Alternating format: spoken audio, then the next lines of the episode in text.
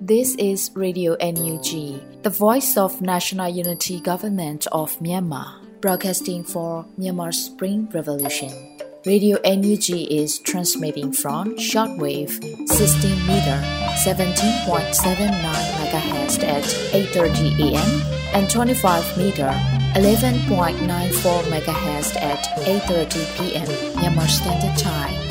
မင်္ဂလာပါရှင်။ မြို့သားညီညွတ်ရေးအစိုးရရဲ့အတန်လွှင့်ဌာန Radio NUG ကိုမနက်ပိုင်း၈နာရီခွဲမှာလိုင်းတူ16မီတာ19.89 MHz ညပိုင်း၈နာရီခွဲမှာလိုင်းတူ25မီတာ17.6 MHz တို့မှာဓာတ်ရိုက်ဖမ်းယူနိုင်စေနိုင်ပါရှင်။မင်္ဂလာအပေါင်းနဲ့ပြည့်စုံကြပါစေ။အခုချိန်ကစပြီး Radio NUG အစီအစဉ်လေးကိုဓာတ်ရိုက်အတန်လွှင့်ပေးနေပါပြီရှင်။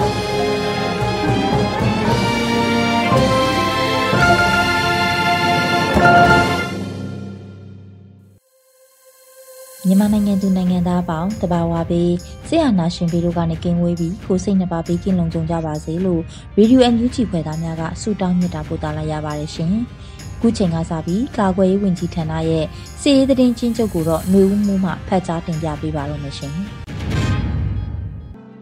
မင်္ဂလာပါခင်ဗျာ။အမျိုးသားညီညွတ်ရေးအစိုးရ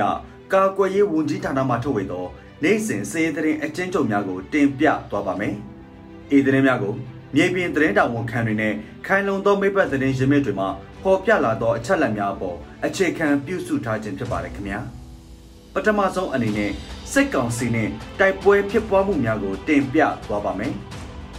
ကရင်နီကယားပြည်နယ်တွင်အော်ဂိုလာ15ရက်နေ့နေ့လယ်2:30မိနစ်ခန့်ကဒီမော့ဆိုမြို့နယ်အိုခူရီရွာနှင့်ခပ်ပလော့ရွာတွင်တက်ဆွဲထားသောစစ်ကောင်စီတပ်အား KNDF B05 မှ စနိုက်ပါဖြင့်တွားရောက်ပစ်ခတ်ခဲ့ရာစစ်ကောင်စီတပ်သားတအူးသေဆုံးခဲ့ပါတယ်ခင်ဗျာချင်းပြည်နယ်တွင်အော်ဂိုလာ15ရက်နေ့ဟာခါမြို့နယ်ဟာခါထန်တလန်ကြားတိမစ်ချောင်းအနီးတွင်စစ်ကောင်စီတပ်နှင့်ချင်းကာကွယ်ရေးပူးပေါင်းတပ် CNA CDF ဟာခါ CDF ဆိုဖေ CDF ထန်တလန် CDF လေတူ CDF မာရာနှင့် CJDC တို့တိုက်ပွဲဖြစ်ပွားခဲ့ရာ စစ်ကောင်စီတပ်သား15ဦးခန့်ထိခိုက်ဒေဆုံးခဲ့ပြီး CDF ပူးပေါင်းအဖွဲ့လည်းဒဏ်ရာရရှိကလက်နက်အချို့တင်ဆက်ရမိခဲ့ကြောင်းသိရပါတယ်ခင်ဗျာမန္တလေးတိုင်းတွင်အော်ဂိုလာ15ရက်နေ့နေ့လယ်2:35မိနစ်ခန့်ကစင်ကူးမြို့နယ်ရွာတာယာကျေးရွာရှိပြူစောတိကောင်းဆောင်ဦးအောင်မင်းဤနေတို့ drone နှစ်စီးဖြင့် Adventure ASD ပျောက်ကြားတပ်ဖွဲ့မှပစ်ခတ်တိုက်ခတ်ခဲ့ပါတယ်ခင်ဗျာစကိုင်းတိုင်းတွင် အော်ဂိုလာ16ရက်နေ့ကကျွန်းလှမြို့နယ်တပန်းစိတ်ဆယ်ရဲကင်းစခန်းကိုပြည်သူ့ကာကွယ်ရေးတပ်မတော်ရွှေဘိုခရိုင်တပ်ရင်း16 TRF တမ်ဘလူခရိုင်တပ်ရင်း1တပ်ခွဲ3တပ်ခွဲ4တပန်းစိတ်ဒေသပကပအင်အားစုတို့မှ drone 3စီးဖြင့်တွားရောက်တိုက်ခတ်ခဲ့ပါတယ်ခင်ဗျာ။အော်ဂိုလာ15ရက်နေ့ကပင်လယ်ဘူးမြို့နယ်ပလူတာကျေးရွာနီးပင်လယ်ဘူးမြို့နယ်အတွင်းမီးရှို့ခဲ့သောစစ်ကောင်စီအင်အား90ခန့် တက်ကူလာသည့်စစ်ကောင်စီအင်အား30နှင့်ပြည်သူ့ကာကွယ်ရေးတပ်မတော်ကောလင်းခရိုင်တပ်ရင်းပြည်သူ့ကာကွယ်ရေးအဖွဲ့ပင်လယ်ဘူးတို့ထိတွေ့တိုက်ပွဲဖြစ်ပွားခဲ့ရာစစ်ကောင်စီ30ခန့်တိတ်ဆုံးခဲ့ပြီးတအူးတုံမှန်အဖြစ်ဖမ်းဆီးရမိခဲ့၍လက်နက်အများအပြားတင်ဆက်ရမိခဲ့ကြောင်းသိရပါတယ်ခင်ဗျာမကွေးတိုင်းတွင်အော်ဂိုလာ16ရက်နေ့မနက်9:15မိနစ်ခန့်ကမြိုင်မြို့နယ်တဲကြီးရွာနှင့်နယ်တက်ရွာကြားတွင် ကင်းပုံဝတ်နေသောစစ်ကောင်စီတပ်၏တပ်စိတ်တစိတ်ခန့်အားမိုင်းကိုလုံးဖြင့်ဖောက်ခွဲတက်ခတ်ခဲ့ရာစစ်ကောင်စီတပ်သား3ဦးသေဆုံးပြီး2ဦးထိခိုက်ဒဏ်ရာရရှိခဲ့ကြောင်းသိရပါတယ်ခင်ဗျာ။အော်ဂိုလာ15ရက်နေ့မုံလွဲပိုင်းကမြိုင်မြို့နယ်တဲကြီးနှင့်နယ်သက်ရွာကြားလမ်းပိုင်းတွင်ပခုတ်ကူမြို့နယ်ကမမကြောက်ခွတ်ဖလန်ကိုင်းဘက်သို့ရိတ်ခါပို့လာသောစစ်ကောင်စီကနှစ်စီအားပြည်သူ့ကာကွယ်ရေးအဖွဲ့မြိုင်နှင့်ဒေသကာကွယ်ရေးတပ်ဖွဲ့များကမိုင်းဆက်လေးလုံးဖြင့်တိုက်ခတ်ခဲ့ရာ စစ်ကောင်စီတအုပ်တေဆုံးပြီး၃ဦးထိခိုက်ဒဏ်ရာရရှိခဲ့ကြောင်းသိရပါတယ်ခင်ဗျာဆက်လက်ပြီးစစ်ကောင်စီကျွလွန်သောရာဇဝတ်မှုများကိုတင်ပြသွားပါမယ်ကရင်နီကယားပြည်နယ်တွင်အော်ဂိုလာ15ရက်နေ့ညနေ4နာရီခန့်ကဒီမော့ဆိုမြို့နယ်ဒေါ်တငူးရွာသို့စစ်ကောင်စီဘက်မှလက်နက်ကြီးနှလုံးပစ်ခတ်ခဲ့ရာပြည်သူနေအိမ်နှလုံးကြားတစ်လုံးအိမ်သားကျင်းတွင်တစ်လုံးကြားရောက်ခဲ့ပြီးအမျိုးသမီးတဦးထိခိုက်ဒဏ်ရာရရှိခဲ့ပါတယ်ခင်ဗျာချင်းပြည်နယ်တွင် အော်ဂိုလာ16ရက်နေ့မနက်7:00နာရီခန့်ကတီးတိမ်မြို့နယ်ဟိုင်မော့ယူယာကိုစစ်ကောင်စီတပ်မှဝင်ရောက်စီးနင်းစဉ်ဖမ်းဆီးခံရသောစေကျော်သက်အရွယ်မောင်နှမနှစ်ဦး၏အလောင်းကိုရွာသားများမှတွေ့ရှိခဲ့ကြောင်းသိရပါတယ်ခင်ဗျာ။စကိုင်းတိုင်းတွင်အော်ဂိုလာ16ရက်နေ့ကကလေးမြို့နယ်ကလေးမြို့တောင်ပိုင်းလဲအိမ်စုကျေးရွာသို့စစ်ကောင်စီတပ်သားများဝင်ရောက်ခဲ့ပြီးနေအိမ်နှလုံးကိုမိရှို့ဖျက်ဆီးခဲ့ပါတယ်ခင်ဗျာ။မကွေးတိုင်းတွင်အော်ဂိုလာ15ရက်နေ့က ပေါက်မြို့နယ်ပေါက်မြို့နယ်မြောက်ပိုင်းခြိုင်ဆောက်ရွာအထက်စုဖုန်ကြီးကျောင်းတွင်ညအိတ်ခဲ့သောစစ်ကောင်စီစစ်ကြောင်းက16ရက်နေ့မနက်9:30မိနစ်ခန့်၌အကြမ်းဖက်မီးရှို့ခဲ့ရာပြည်သူပိုင်အိမ်40ခန့်မီးလောင်ပြာကျခဲ့ပါတယ်ခင်ဗျာ။အော်ဂိုလာ16ရက်နေ့မနက်9:52မိနစ်ခန့်ကကန့်ကောမြို့နယ်ကန့်ကောခလာရ90တပ်ထဲမှစစ်ကောင်စီ80ခန့်ကပြားရွာမှနှမ်းရိပ်နေသောအပြစ်မဲ့ပြည်သူ3ဦးကိုဖမ်းဆီးထားခဲ့ပါတယ်ခင်ဗျာ။ အော်ဂိုလာ15ရက်နေ့ည8:30မိနစ်ခန့်ကရေစကြိုမြို့နယ်တာတိုင်ကြီးရွာစစ်ကောင်စီနှင့်ပြူစောတိပူပေါင်းစစ်ကြောင်းဝင်ရောက်၍အကြမ်းဖက်မီးရှို့ဖျက်ဆီးခဲ့ကြောင်းသိရပါတယ်ခင်ဗျာဟုတ်ကဲ့ပါအခုတင်ပြခဲ့တာကတော့အမျိုးသားညီညွတ်ရေးအစိုးရကာကွယ်ရေးဝန်ကြီးဌာနမှထုတ်ဝေသောနိုင်စဉ်စည်ရင်သတင်းအကျဉ်းချုပ်များပဲဖြစ်ပါတယ်ခင်ဗျာကျွန်တော်ຫນွေဦးမိုးပါ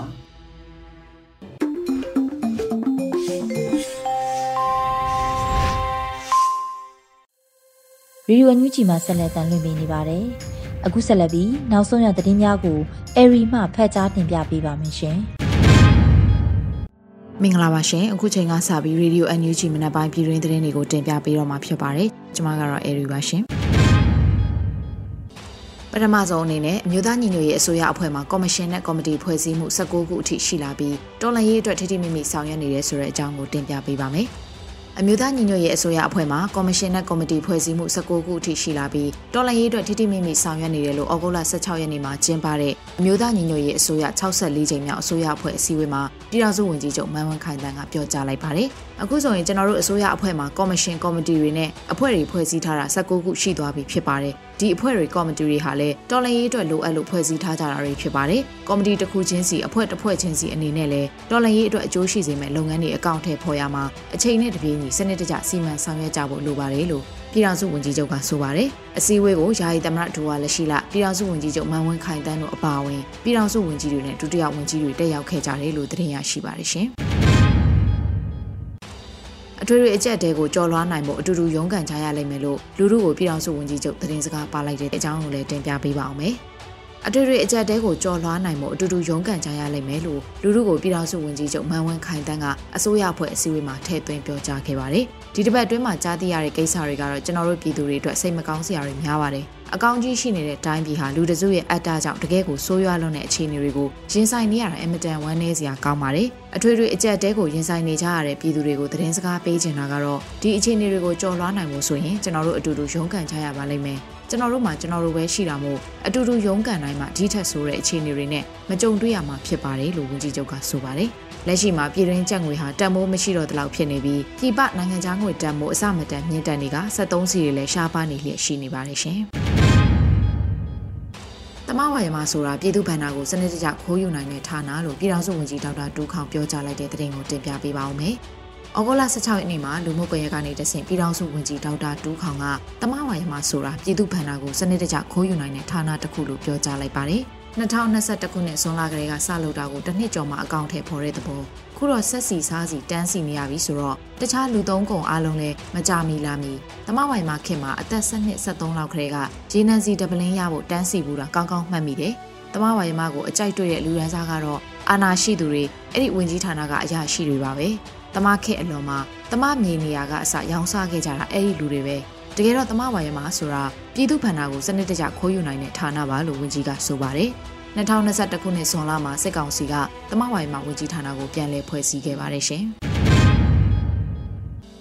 ဆက်လက်ပြီးစစ်ကြော်မခံမဲ့ NUG ရဲ့ဗန္နာရေးစနစ်ထဲပြည်သူလူထုဝင်ရောက်ပူးပေါင်းကြဖို့ NUG ဗန္နာရေးဌာနကရှင်းလင်းတဲ့သတင်းစကားတွေပေးရမယ်လို့ဦးမင်းကိုနိုင်ထောက်ပြပြောဆိုလိုက်တဲ့သတင်းကိုတင်ပြပေးပါမယ်။ စစ်ကြောမခံမဲ့ NUG ရဲ့ဗန္နာရေးစနစ်ထဲပြည်သူလူထုဝင်ရောက်ပူးပေါင်းကြဖို့ NUG ဗန္နာရေးဌာနကရှင်းလင်းတဲ့သတင်းစကားတွေပေးရမယ်လို့88မျိုးဆက်ចောင်းသားခေါင်းဆောင်ဦးမင်းကိုနိုင်ကဩဂုတ်လ16ရက်နေ့မှာလူမှုကွန်ရက်ကနေတဆင့်ရေးသားထောက်ပြပြောဆိုလိုက်ပါတယ်။အခုလည်း NUG ဗန္နာရေးကအစွမ်းပြရပါလိမ့်မယ်။ပြည်သူကလည်းဒို့လူဘလို့အလဲထိုးမလဲအားပေးနေကြပါပြီ။ NUG ဘေးစနစ်ဟာစမ်းသက်အောင်မြင်ခဲ့ပါပြီတိုးချဲ့ဖို့ပဲကြံတာပါစစ်ကြောမခံမဲ့ NUG ရဲ့ဗန္နာရေးစနစ်ထဲဝင်ရောက်ပူးပေါင်းကြမယ်ဆိုရင်ရော ဒါ NUG ဘဏ္ဍာရေးဌာနကရှင်းလင်းတဲ့သတင်းစကားတွေပေးရပါတော့မယ်။ NUG ပေးစနစ်တွေကိုဘယ်လိုဝင်မလဲ။ NUG ဟာဘဏ်လုပ်ငန်းတွေကိုဘယ်လိုတိုးချဲ့မလဲ။ဥပမာဆိုရင်တချို့သောမဟာမိတ်အင်အားစုတွေမှာဗန်စနစ်တွေရှိပြီးသားပါပူပေါင်းကြမလားမြန်မာကြက်ငွေပိုက်ပေါ်မိနေတဲ့ပြည်သူတွေကို NUG ကဘာရွေးချယ်စရာတွေပေးရမှာလဲလို့ဆိုပါတယ်ထောက်ပို့တက်သားစနစ်ရှိသလိုဘုံဝယ်တာမျိုး EOD တွေဝယ်တာမျိုးအပါအဝင်ပြည်သူလိုက်နိုင်တဲ့အစီအမံတွေအာမခံချက်တွေနဲ့ပြနိုင်ရင်တော့ချိန်ခါတက်မှာလို့ဦးမင်းကိုနိုင်ကထပ်လောင်းပြောကြားထားပါတယ်ရှင်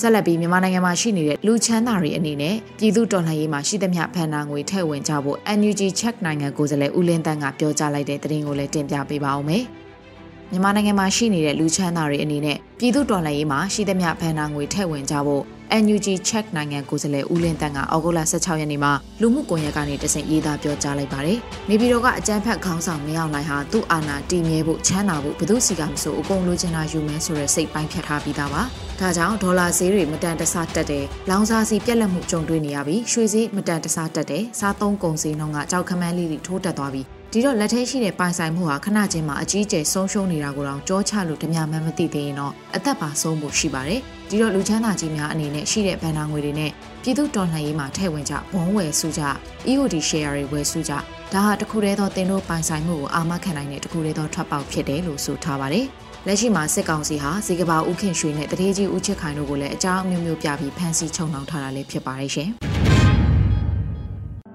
တလအတွင်းအာနာသိန်းအကြံဖက်စစ်ကောင်စီရဲ့ဘက်ကတိတ်ဆုံးသူ2000ကျော်ရှိလာတယ်ဆိုတဲ့သတင်းကိုတင်ပြပေးပါမယ်။ဩဂုတ်လအတွင်းမှာပြည်ထောင်ဝင်ကြီးဌာနကပြည်သူ့ခုခံတော်လှန်စစ်ကနေစစ်ရေးသတင်းအချက်အလက်တွေကိုဖော်ပြရမှာအာနာသိန်းအကြံဖက်စစ်ကောင်စီဘက်ကတိတ်ဆုံးသူ2152ဦးထိရှိလာတယ်လို့ဖော်ပြထားပါတယ်။အမျိုးသားညီညွတ်ရေးအစိုးရရဲ့အရေးပေါ်အခြေအနေကြေညာချက်ထုတ်ပြန်ပြီးကာလ2022ခုနှစ်ဇူလိုင်လ9ရက်နေ့ကနေ2022ခုနှစ်ဩဂုတ်လ6ရက်နေ့အထိဧကဒသမတလတာအတွင်း အာနာသိန်းအကြမ်းဖက်စစ်ကောင်ဆောင်ရဲ့ဘက်ကတေဆုံးသူ2152ဦးထိရှိခဲ့ပြီးထိခိုက်သူ683ဦးထိရှိခဲ့တယ်လို့ဖော်ပြထားပါတယ်။လက်ရှိမှာပြည်သူ့ရင်ဝင်ခိုးလုံရေးအစီအစဉ်ကိုကြိုးပမ်းဆောင်ရွက်လျက်ရှိရမှာအဆိုပါအရေးပေါ်ကြေညာချက်ထုတ်ပြန်ပြီးနောက်ပိုင်းပြည်သူဘက်ကိုရဲရဲဝံ့ရက်တီလာတဲ့စစ်သား CDM နဲ့ရဲ CDM တွေလည်းနေ့စဉ်များပြားလာနေတယ်လို့လည်းသိရှိရပါတယ်ရှင်။ ဆက်လက်ပြီးခင်ဦးမြို့နယ်ဝန်းကြီးကျေးရွာကရွှေတော်အလုတ်လုတ်သွားမဲ့အပြစ်မဲ့ပြည်သူ9ယောက်ကိုရွှေဘိုလေ့ကျင့်ရေးရှင်မှာတညတာဆင်မေးပြီးတပ်ဖြတ်ခဲ့တဲ့တဲ့ရင်ကိုတင်ပြပေးပါမယ်။စကိုင်းတိုင်းခင်ဦးမြို့နယ်ဝန်းကြီးကျေးရွာကရွှေတော်မှာအလုတ်သွားလုပ်မဲ့အပြစ်မဲ့ပြည်သူ9ယောက်ကိုရွှေဘိုလေ့ကျင့်ရေးရှင်မှာတညတာဆင်မေးခြင်းပြုလုပ်ခဲ့ပြီးတပ်ဖြတ်ခဲ့တယ်လို့ဩဂုတ်လ16ရက်နေ့မှာဒေတာအရင်မြစ်ကနေတဆင့်သတင်းရရှိပါတယ်။ ခင်ဦးမြို့နယ်ဝင်းကြီးကျေးရွာကနေရွှေတော်ကိုအလုံးလုံးသွားမဲ့အပြစ်မဲ့ပြည်သူ9ယောက်ဟာအောက်ဂုတ်လ14ရက်နေ့မနက်ပိုင်းမှာရွှေဘိုကားကွင်းကိုသွားခဲ့ရမှာအမှတ်2ရက်ကွက်မှာအကြမ်းဖက်စစ်ကောင်စီရဲ့ဖမ်းဆီးခံခဲ့ရပြီးရွှေဘိုလေ့ကျင့်ရေးရှင်းမှာတညတာဆင်မေးခြင်းပြုလုပ်ခဲ့တယ်လို့သိရှိရပါတယ်။အောက်ဂုတ်လ15ရက်နေ့မှာခင်ဦးမြို့နယ်ရွာသားကျေးရွာဇရက်အနီးမှာပြစ်တက်ခဲ့ပြီးရုပ်အလောင်းတွေကိုစွန့်ပစ်ထားခဲ့တယ်လို့လည်းဆိုပါတယ်။အကြမ်းဖက်စစ်ကောင်စီကအကြောင်းမဲ့ပြစ်ခတ်တပ်ဖြတ်ခဲ့တဲ့အပြစ်မဲ့ပြည်သူ9ဦးကတော့ အသက်19နှစ်အရွယ်ကိုကျော်သူဟိန်အသက်15နှစ်အရွယ်ကိုဇော်ဟိန်အသက်20အရွယ်ကိုမင်းကိုအသက်14နှစ်အရွယ်ကိုမင်းညီအသက်19နှစ်အရွယ်ကိုဖြိုးငွေစိုးအသက်22နှစ်အရွယ်ကိုနိုင်နိုင်နဲ့အသက်22နှစ်အရွယ်ကိုသူရထုံတို့ဖြစ်တယ်လို့သိရှိရပါတယ်ရှင်စကိုင်းတိုင်းအထက်ပိုင်းအင်းတော်မြို့နယ်နဘာလန်းစုံအနီးကစစ်ကောင်စီထံဝင်ငွေစီးဆင်းနေတဲ့နဘာတံပိုဂိတ်ကို KIA PDF ပူးပေါင်းတပ်ဖွဲ့တွေဖျက်ဆီးခဲ့တဲ့တဲ့ရင်ကိုတင်ပြပေးပါမယ်။ ဩဂုတ်လ16ရက်နေ့မှာစကိုင်းတိုင်းအထက်ပိုင်းအင်းတော်မြို့နယ်နဘာလန်းစုံအနီးမှာရှိတဲ့စစ်ကောင်စီထံဝင်ငွေစီးဆင်းနေတဲ့နဘာတံပိုဂိတ်ကို KIA PDF ပူးပေါင်းတပ်ဖွဲ့တွေကမိရှို့ဖျက်ဆီးခဲ့တယ်လို့အင်းတော်တော်လိုင်းရေးအင်အားစုကဆိုပါတယ်။ စကိုင်းတိုင်းအထက်ပိုင်းအင်းတော်မြို့နယ်နဘာလန်းစုံအနီးရှိစစ်ကောင်စီထံသို့ဝင်ငွေစီးဆင်းနေသည့်စစ်ကောင်စီလက်အောက်ခံစောက်လို့ရေးဝန်ကြီးဌာနပိုင်တဲ့နဘာတံပိုဂိတ်ကို KIA PDF ပူးပေါင်းတပ်ဖွဲ့တွေကမနက်10:00နာရီအချိန်မှာဝင်ရောက်ဖျက်ဆီးခဲ့ပါတယ်လို့ဖော်ပြထားပါတယ်။ဝင်ရောက်ဖျက်ဆီးနေစဉ်အတွင်းမှာပဲအင်းတော်မြို့ရိတ်ခါကုန်းဘက်မှာရှိတဲ့စစ်ကောင်စီတပ်ဖက်ကနဘားရွာဘက်ကိုလက်နက်ကြီးနဲ့ရန်တမ်းပစ်ခတ်ခဲ့ပြီးနဘားရွာအနီးမှာကြောက်ရောက်ပောက်ကွဲခဲ့ပြီးလူတွေအထိကိမရှိဘူးလို့သိရှိရပါတယ်။ဖမ်းဆီးထားတဲ့ဝန်ထမ်း၄ယောက်ကိုလည်းစစ်ဆေးမေးမြန်းပြီးပြန်လွှတ်ပေးမှာဖြစ်တယ်လို့လည်းထုတ်ပြန်ထားပါတယ်ရှင်။ အခုတင်ပြပေးခဲ့တဲ့သတင်းတွေကိုတော့ Radio NUG သတင်းတောင်မင်းမင်းကပေးပို့ထားတာဖြစ်ပါတယ်ရှင်။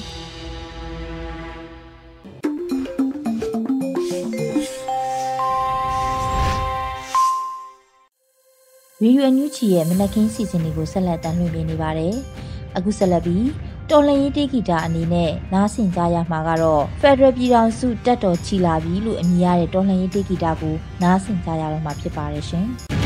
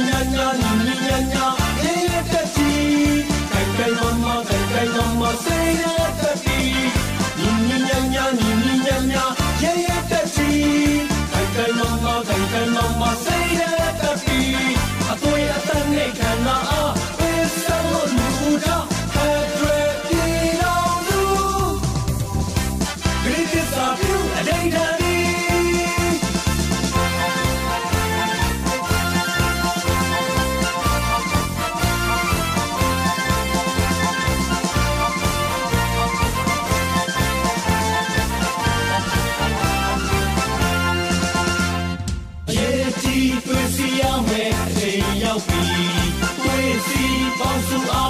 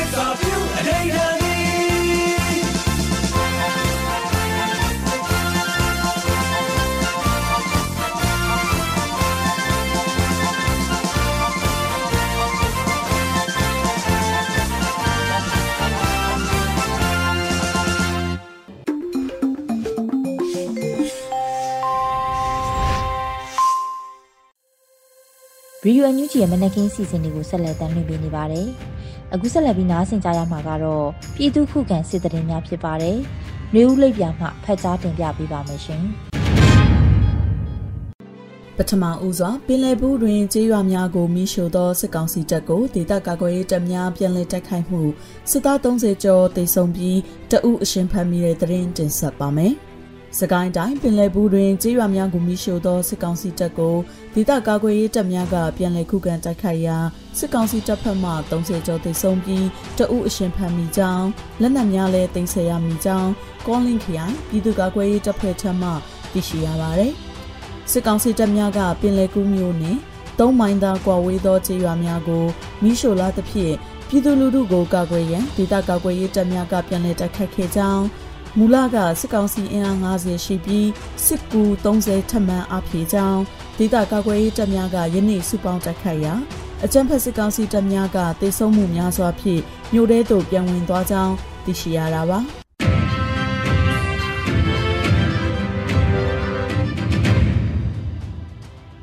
ပလဲတွင်ဖြစ်ပွားသောနှစ်ရက်ဆက်တိုက်တိုက်ပွဲတွင်စစ်သား22ဦးခန့်သေဆုံးပြီး PDF ရဲဘော်9ဦးကြာဆုံးတဲ့တွင်ဆက်လက်တင်ဆက်ပါမယ်။စကိုင်းတိုင်းပလဲမြို့နယ်တွင်ကြေးရွာများကိုမိရှို့ဖျက်ဆီးနေသောအကြမ်းဖက်စစ်တပ်နှင့်ဒေသခံကာကွယ်ရေးတပ်ဖွဲ့များဩဂုတ်လ23ရက်14ရက်နေ့တို့တွင်ထိတိထိုက်ကပွဲများဖြစ်ပွားပြီးစစ်သား22ဦးခန့်သေဆုံးခဲ့ကြောင်းမြမတော်ဝင်နဂါတပ်တော် MRDA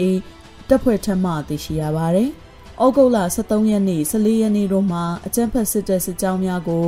ကဘာရက်ကြီးရွာအရှိတ်အနီးတွင်မြမတော်ဝင်နဂါတက်အတော်အပါအဝင်မဟာမိတ်ပူပေါင်းတပ်များကတိုက်ခိုက်ခဲ့တာပါကဘာရဲ့ကြေးရွာနှင့်ထိန်းနေကြေးရွာအနီးတစ်ဝိုက်တွင်အကြမ်းဖက်စစ်တပ်နှင့်ကာကွယ်ရေးတပ်ဖွဲ့များထိတွေ့တိုက်ပွဲပြစ်ခတ်ခဲ့က အကြမ်းဖက်စစ်တပ်ဖက်မှ14ဦးခန့်သေဆုံးခဲ့ပြီးမြမတော်ဝင်နဂါတက်တော်အရှိဘက်စစ်ကြောင်းမှရဲဘော်2ဦးနှင့်အခြားဘက်စစ်ကြောင်းမှရဲဘော်4ဦးကြာဆုံးခဲ့ကြောင်းသိရှိရပါတယ်။အကြမ်းဖက်စစ်တပ်စစ်ကြောင်းကိုမြမတော်ဝင်နဂါတက်တော်နှင့်အတူမြမပင်ခရိုင်တရင်တ Royal Eagle တော်လန်ရေးတပ်ပလဲချုပ်ကအဖွဲ့နှင့်ဒေသခံတော်လန်ရေးတပ်ပေါင်းစုများကပူးပေါင်းတိုက်ခိုက်ခဲ့ခြင်းဖြစ်ပါတယ်။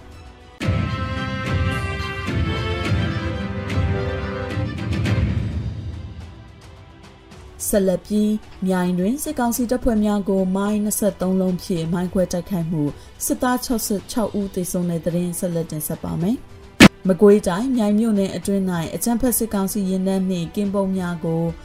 မိုင်းမြို့နယ်ပြည်သူ့ကာကွယ်ရေးတပ်ဖွဲ့ကမိုင်း23လုံးဖြင့်ယမန်နေ့နှင့်ယနေ့နှစ်ရက်ဆက်တိုက်ဖောက်ခွဲတိုက်ခိုက်ရာစစ်သား6ဦးသေဆုံးပြီး3ဦးဒဏ်ရာရကြောင်းသတင်းရရှိပါသည်။မြိုင်မြို့နယ်တဲကြီးနှင့်နေသက်ရွာကြားတွင်ထ ပ်မံကင်းပုံဝစ်လာသောစစ်ကောင်စီတပ်ဖွဲ့ကိုယနေ့ဩဂုတ်လ16ရက်နေ့နက်9:15မိနစ်တွင်မိုင်းကိုလုံးဖြင့်ထပ်မံဖောက်ခွဲရာစစ်သား3ဦးသေဆုံးပြီး2ဦးဒဏ်ရာရရှိကြောင်းမြိုင်မြို့နယ်ပြည်သူ့ကာကွယ်ရေးတပ်ဖွဲ့ကထုတ်ပြန်ထားတာပါ။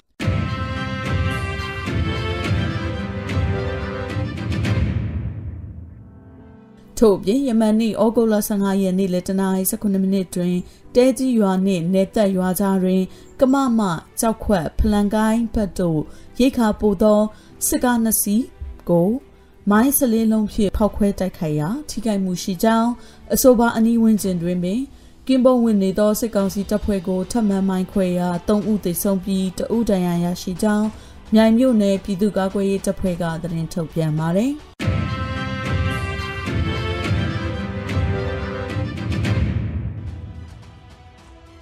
နောက်ဆုံးအနေနဲ့အင်ဒိုမြို့နယ်နဘာလန်းဆုံအနီးရှိဆောက်လုပ်ရေးဝန်ကြီးဌာနတန်ပိုဂိတ်ကို KIA နှင့် PDF ကဝင်ရောက်ရှင်းလင်းတဲ့တဲ့ဆက်လက်တင်ဆက်မှာပါ။စကိုင်းတိုင်းအင်ဒိုမြို့နယ်နဘာလန်းဆုံအနီးရှိဆောက်လုပ်ရေးဝန်ကြီးဌာနတန်ပိုဂိတ်ကို KIA နှင့် PDF ကယနေ့ဝင်ရောက်ရှင်းလင်းပြီးဝန်ထမ်းလေးဦးကိုစစ်ဆေးမင်းမြန်းရန်ခိတထိန်သိမ်းထားပြီးပြန်လွှတ်မည်ဖြစ်ကြောင်း Indo Revolution IR ကသတင်းထုတ်ပြန်ပါတယ်။ စကိုင်းတိုင်းအထက်ပိုင်းအင်တော်မြို့နယ်နဘာလန်းဆောင်အနီးရှိစစ်ကောင်စီထံသို့ဝင်ငွေစည်းစိမ်နေသည့်စစ်ကောင်စီလက်အောက်ခံစောက်လုံရင်ဝင်ကြီးဌာနပိုင်းသည့်နဘာတံပိုဂိတ်ကို KIA PDF ပူးပေါင်းတပ်ဖွဲ့များကယနေ့နနက်10:00နာရီအချိန်တွင်ဝင်ရောက်ရှင်းလင်းခဲ့ကြောင်းရှင်းလင်းမှုလုပ်နေစဉ်အင်တော်မြို့ရိတ်ခါကုန်းဘက်ရှိစစ်ကောင်စီတပ်ဖက်ကနဘာရွာဘက်သို့လက်နက်ကြီးဖြင့်ရန်တမ်းပစ်ခတ်ခဲ့ကြောင်းဝန်ထမ်းလေးဦးကိုခိတထိန်သိမ်းဖမ်းဆီးထားပြီး စစ်မေးပြီးပြန်လည်လွှတ်ပေးမည်ဖြစ်ကြောင်းသိရှိရပါတယ်။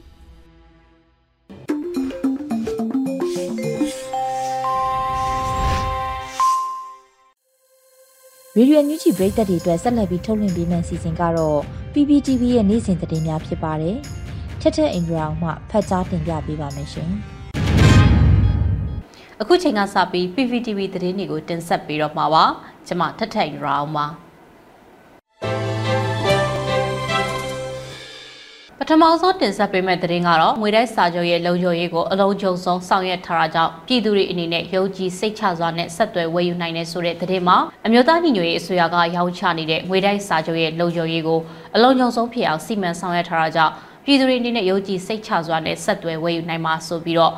United ဘုံကထုတ်ပြန်ထားပါတယ်။တော်လိုင်းကာလအတွင်းမှာတော်လန်ပြည်သူတွေရဲ့လုံခြုံရေးကအရေးကြီးဆုံးဖြစ်တာကြောင့် ငွေတဲ့စာချုပ်ဝယ်ယူသူတွေရဲ့ကိုရေးအချက်လက်တွေအပါအဝင်ဝယ်ယူသူဘယ်သူလဲဆိုတာကိုပါလျှို့ဝှက်လို့ရအောင်စီစဉ်ထားတာဖြစ်ပါတယ်လို့ United ဘုံကပြောကြားထားပါတယ်။ United ဘုံရဲ့အချက်ပြုချက်မှာတော့ United ဘုံရဲ့ website ပေါ်ကနေ cryptocurrency နဲ့ဝယ်မယ်ဆိုရင်တော့ဘယ်လို့မှကိုထောက်လန်းလို့ရမှာမဟုတ်တာသိကြပါတယ်လို့ဆိုပါတယ်။ဝယ်တဲ့စာချုပ်ကိုယ်စားလှယ်တွေကတဆင့်ဝယ်ယူမယ်ဆိုရင်လည်းယုံကြည်စိတ်ချစွာနဲ့ဝယ်ယူလို့ရတယ်လို့ဆိုထားပါတယ်။ဝယ်တဲ့စာချုပ်ကိုယ်စားလှယ်တွေဆိုတာ တော်လှန်ရေးကာလအတွင်းအစွမ်းကုန်ထောက်ပို့နေကြသူတွေဝင်ကြီးတွေကိုယ်တိုင်ထောက်ခံပေးထားတဲ့သူတွေ NUG ကိုယ်စားလှယ်ရုံးနေဖြစ်တာကြောင့်ယုံကြည်စိတ်ချစွာနဲ့ဆက်သွယ်ပြီးတော့ငွေတိုက်စာချုပ်အတွက်ကြသွင်းငွေကိုပေးချေနိုင်ပါတယ်။ငွေပေးချေချိန်မှာ email address တာပေးရန်လိုအပ်တာပါ။ငွေတိုက်စာချုပ်ကိုယ်စားလှယ်ကနေလက်ခံရရှိကြောင်းပြေစာ email လက်ခံရရှိချိန်မှာတော့ငွေတိုက်စာချုပ်မှာထည့်သွင်းရေးသားမဲ့ကိုရေးအချက်လက်တွေအတွက်ပုံစံခခွေဖုန်းလင့်တစ်ခုပါလာမှာဖြစ်ပြီးတော့ပုံစံခခွေကိုမိမိကိုယ်တိုင်ဖြည့်သွင်းတင်ခြင်းဖြင့် မိမိကိုယ်ရေးအချက်လက်ကိုတခြားသူတွေသိစေရအကြောင်းလုံးဝရှိတော့မှာမဟုတ်ဘူးလို့ဖော်ပြထားပါတယ်။ဝယ်ယူထားသူရဲ့ email ထဲမှာသာငွေတိုက်စာချုပ်ရှိနေမှာဖြစ်ပြီးတော့ငွေတိုက်စာချုပ်ကို password ရှိမှသာဖွင့်ပြီးတော့စစ်ဆေးလို့ရမှာလည်းဖြစ်ပါတယ်။အကယ်၍များငွေတိုက်စာချုပ်မှာပါဝင်တဲ့ email ပျောက်ပြက်သွားပါကလည်း United Bond website ကနေထပ်မံတောင်းဆိုနိုင်ပါသေးတယ်။ဝယ်ယူထားတဲ့ငွေတိုက်စာချုပ်တွေကို email ထဲမှာသာတင်ထားခြင်းဖြင့်ကိုယ်တိုင်ကလွယ်ပြီးတော့တခြားဘယ်သူမှမသိအောင်သိသိထားနိုင်မှာလည်းဖြစ်ပါတယ်လို့ United Bond ကပြောကြားထားပါတယ်။ ဆလတ်တင်ဆက်ပေးမှာကတော့ຫນွေဥထီတစ်နှစ်ပြည့်ဖြစ်နေ NUG ပေးနဲ့အတူပြန်လည်စတင်တော့မယ်ဆိုတဲ့သတင်းမှာအကြမ်းဖက်စစ်ကောင်စီရဲ့အောက်ပါလီထီကိုအလဲထိုးနိုင်ခဲ့တဲ့ຫນွေဥထီကတော့ ဩဂတ်စ်လ15ရက်မှာတစ်နှစ်ပြည့်ပြီးဖြစ်ပြီးတစ်နှစ်ပြည့်အနေနဲ့ NUG ဖေးနဲ့အတူပြန်လည်ပြီးစတင်တော့မှာဖြစ်တယ်လို့ကြေညာလိုက်ပါတယ်။နှွေဦးထီမိသားစုရဲ့ကြေညာချက်မှာတော့တစ်နှစ်အတွင်းမှာကြုံတွေ့ခဲ့တဲ့စိန်ခေါ်မှုအခက်အခဲတွေကိုကျော်လွှားနိုင်ဖို့တော်လိုင်းအင်အားစုတွေအတွက်အလုံးစုံဆုံးစိတ်ချအဆုံးဖြစ်တဲ့ NUG ပေးနဲ့အတူမကြခင်အချိန်မှာပြန်လည်စတင်တော့မှာပဲဖြစ်တယ်လို့ဖော်ပြထားပါတယ်။ NUG ပေးနဲ့နှွေဦးထီကိုဝယ်ယူအားပေးဖို့ဘယ်လိုလုပ်ရမလဲဆိုတာကိုအသေးစိတ်အချက်အလက်တွေကိုဗီဒီယိုဖိုင်နဲ့ရှင်းပြထားသလိုထပ်မံပြီးတော့လည်းထုတ်ပြန်ပေးအောင်မယ်လို့နှွေဦးထီမိသားစုကပြောပါတယ်။ဒါ့အပြင်အခက်အခဲတွေကြားကအားပေးခဲ့ကြတဲ့မိဘပြည်သူတွေအားလုံးကိုအထူးပဲကျေးဇူးတင်နေဆိုပြီးတော့လည်းဖော်ပြထားတာကိုတွေ့ရပါတယ်။ အခုတခါတင်ဆက်ပေးမှာကတော့ Democratic လူငယ်ကောင်စီကဝိမု ക്തി လူငယ်စကားဝိုင်းပြုလုပ်မယ်ဆိုတဲ့သတင်းမှာ Democratic လူငယ်ကောင်စီကစီစဉ်တဲ့ဝိမု ക്തി လူငယ်စကားဝိုင်းကိုဩဂတ်လ22ရက်ညနေ6နာရီအချိန်မှာပြုလုပ်သွားမှာပါဒီတခါပြုလုပ်မဲ့ဝိမု ക്തി နှစ်အတွက်စကားဝိုင်းခေါင်းစဉ်ကို Federal WIOD အဖြစ်ရှိပြီလို့လို့အမည်ပေးထားပြီးတော့တိုင်းရင်းသားတွေရှေ့ရှုသော Federal နဲ့ပြည်သူတွေမျှော်လင့်သော Federal ဆိုတာနဲ့အမျိုးသားညီညွတ်ရေးအစိုးရရဲ့ Federal ခြေလှမ်း ဘယ်လမ်းပဲခရီးပေါက်နေပြီလဲဆိုတဲ့ခေါင်းစဉ်ခွဲတွေကိုဆွေးနွေးသွားကြမှာပါလူငယ်စကားဝိုင်းကိုနိုင်ငံရေးတက်ကြလှုပ်ရှားသူတွေပညာရှင်တွေအရက်ဖက်လူမှုအဖွဲ့အစည်းတွေတိုင်းသားလူငယ်တွေနဲ့ပြည်တွင်းပြည်ပမှာရှိတဲ့ဒီမိုကရေစီအင်အားစုတွေကအမြင့်ချင်းဖလှယ်ဆွေးနွေးသွားကြမှာဖြစ်ပါတယ်လူငယ်စကားဝိုင်းအစီအစဉ်ကိုလူငယ်များဖွံ့ဖြိုးတိုးတက်စေရေးနဲ့အခွင့်အလမ်းရရှိစေရေးလူငယ်မှလူငယ်တို့အစီအစဉ်ကစီစဉ်ကျင်းပတာဖြစ်ပါတယ်ဝိမု ക്തി ဆိုတာကပါဠိဘာသာစကားဖြစ်ပြီးတော့လွတ်မြောက်ခြင်းဆိုတဲ့အဓိပ္ပာယ်အရက မြန်မာနိုင်ငံရဲ့ Federal Democracy ဖော်ဆောင်ရေးအာဏာရှင်စနစ်နှိကုံချုပ်နိုင်စေရေးနဲ့လူငယ်များနိုင်ငံရေးမှာပုံမကျေပြန့်စွာပါဝင်လာနိုင်စေရေးအတွက်လွတ်လပ်တဲ့အတွေ့အခေါ်အသိပညာတို့နဲ့ပါဝင်တည်ဆောက်နိုင်စေရေးအတွက်အမြင့်အတွေ့အဆုံအတွေ့အခေါ်ဆုံးနဲ့နယ်ပယ်စုံကပညာရှင်တွေလူငယ်တွေတိုင်းရင်းသားတွေနဲ့စကားဝိုင်းကျင်းပသွားမှာလည်းဖြစ်ပါတယ်။ကျေးဇူးတင်ပါတယ်ရှင်။ဒီကနေ့ကတော့ဒီညနဲ့ပဲ Radio NUG ရဲ့အစီအစဉ်လေးကိုခਿੱတရနာလိုက်ပါမယ်ရှင်။ မြမစံတော်ချိန်မနက်၈နာရီခွဲနဲ့ည၈နာရီခွဲအချိန်တွေမှာပြန်လည်ဆုံတွေ့ကြပါစို့။ Radio NUG ကိုမနက်ပိုင်း၈နာရီခွဲမှာလိုင်းတူ16မီတာ19.8 MHz ညပိုင်း၈နာရီခွဲမှာလိုင်းတူ25မီတာ17.6 MHz တို့မှာဓာတ်ရိုက်ဖမ်းလို့နိုင်စေနိုင်ပါပြီ။မြန်မာနိုင်ငံသူနိုင်ငံသားတွေကိုစိတ်နှပြကျန်းမာချမ်းသာလို့ဘေးကင်းလုံခြုံကြပါစေလို့ Radio NUG အဖွဲ့သူဖွဲ့သားတွေကဆုတောင်းမြတ်တာပို့တာလိုက်ရ ပါတယ်ရှင်။အမျိုးသားညီညွတ်ရေးအစိုးရရဲ့စက်သွေးရေးသတင်းအချက်အလက်နဲ့ပြည်ပညာဝန်ကြီးဌာနကထုတ်လွှင့်နေတဲ့ Radio NUG ဖြစ်ပါတယ်။ San Francisco Bay Area အခြေစိုက်မြန်မာမိသားစုတွေနဲ့နိုင်ငံတကာကစေတနာရှင်လို့အားပေးနေတဲ့ Radio NUG ဖြစ်ပါတယ်။အရေးတော်ပုံအောင်ရမည်